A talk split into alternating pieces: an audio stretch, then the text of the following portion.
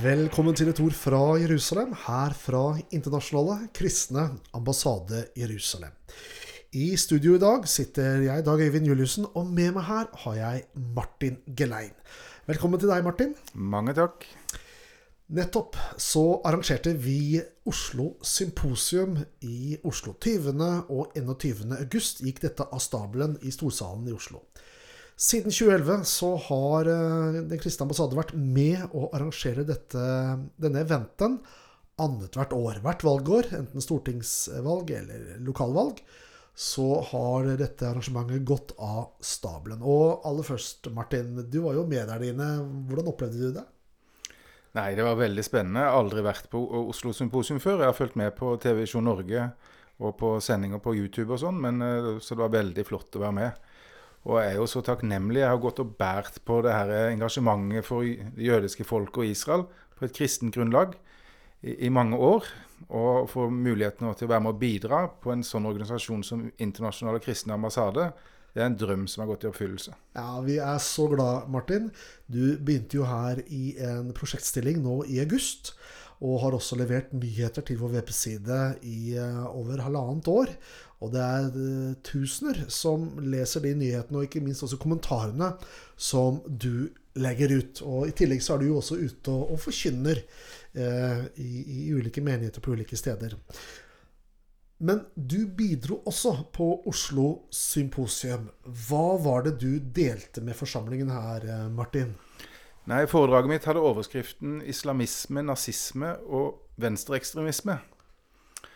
Og jeg begynte med å, å vise hvordan islamismen gjennom stormuftien av Jerusalem, Amin al-Husseini, skapte et uh, narrativ som ble brukt som propaganda for å motarbeide folkeretten og opprettelsen av den jødiske staten. Når var det denne stormuftien av Jerusalem her virket, eller var virksom? Han ble virksom eh, utover på 20- og 30-tallet, etter de folkerettslige beslutningene i San Remo i 1920.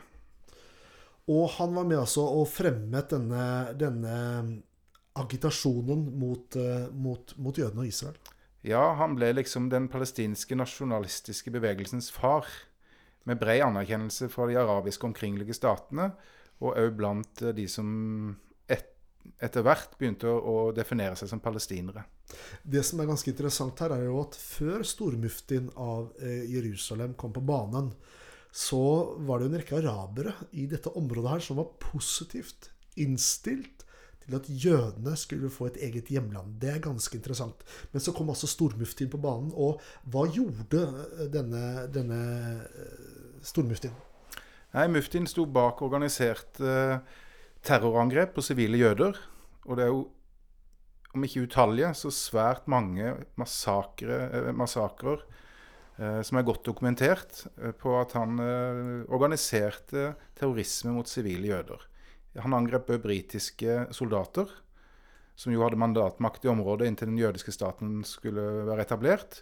Og Derfor så utstedte britene en arrestordre på han i 1937 Eh, og han rømte til Libanon, og videre fra Libanon til Nazi-Tyskland. Mm. Før vi går videre på det, hva var kjernen i det narrativet, det bildet, som eh, stormuftien av Jerusalem, Hayamin al-Husseini, opererte med? Stikk i strid med folkeretten så definerte al-Husseini jødene som innflyttere og inntrengere i sitt historiske hjemland.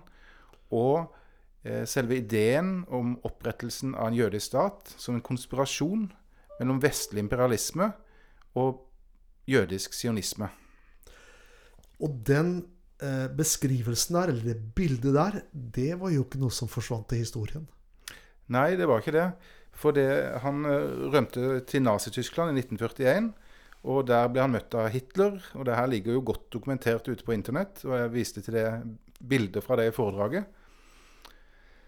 Eh, eh, ble varmt tatt imot av Hitler og av Himmler, og samarbeida da eh, tett med de tyske nazistenes ledere i å kringkaste propaganda via verdens sterkeste kortbølgesender på den tida til hele den muslimske verden.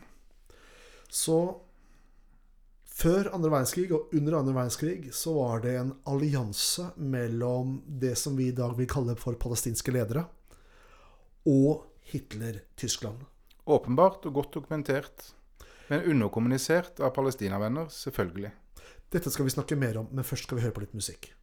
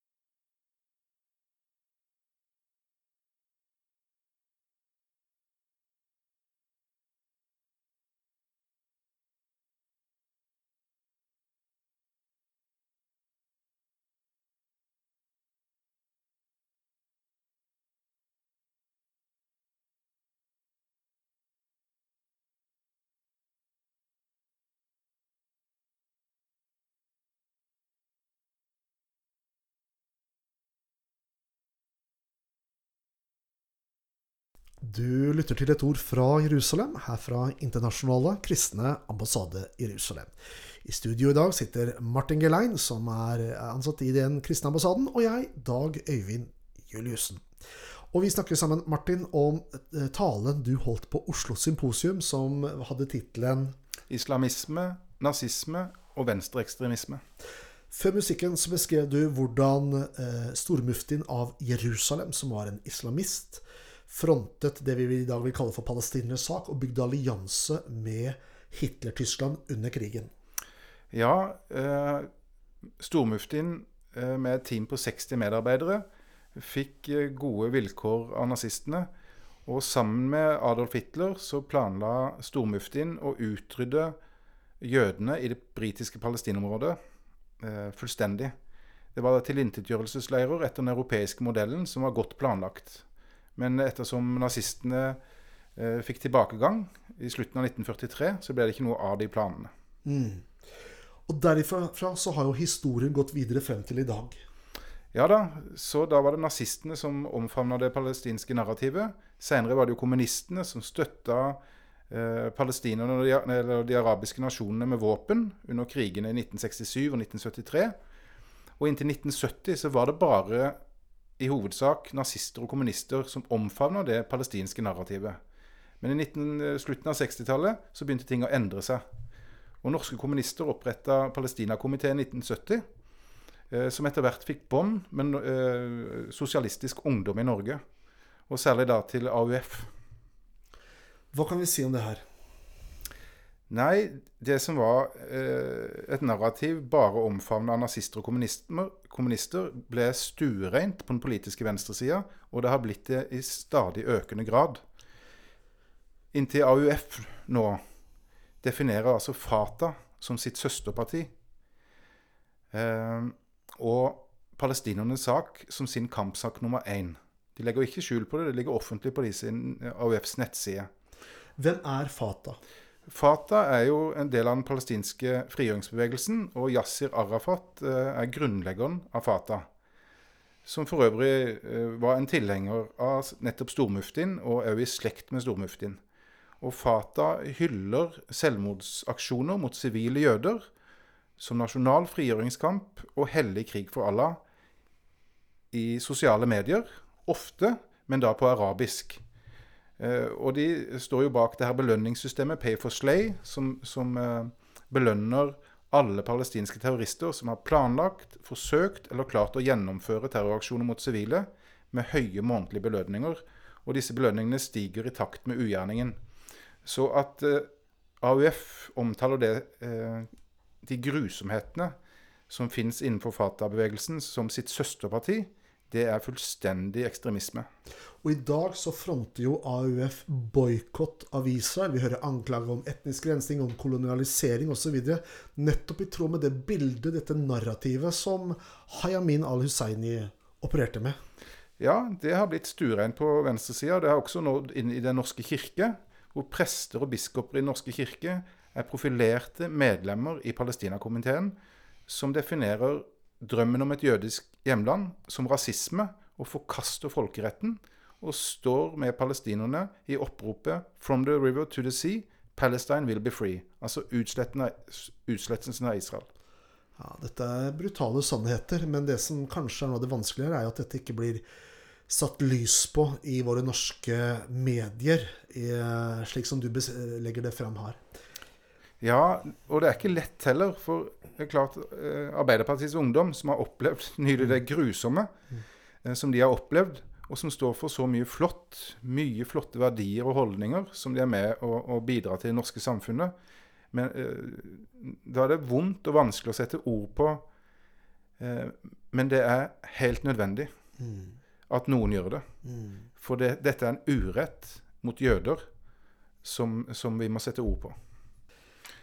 Det, og, og vi, vi, deltar i debatten, eh, i den sekulære debatten med sekulære argumenter. Men vi har òg et bibelsk grunnlag for vår støtte og vår kjærlighet til det jødiske folk og staten Israel. Og Bibelen er tydelig på at Gud elsker Israel med en evig kjærlighet, og at han har fredstanker for Israel. Eh, og det står også det at om vi er troløse, så er han trofast, for han kan ikke fornekte seg selv.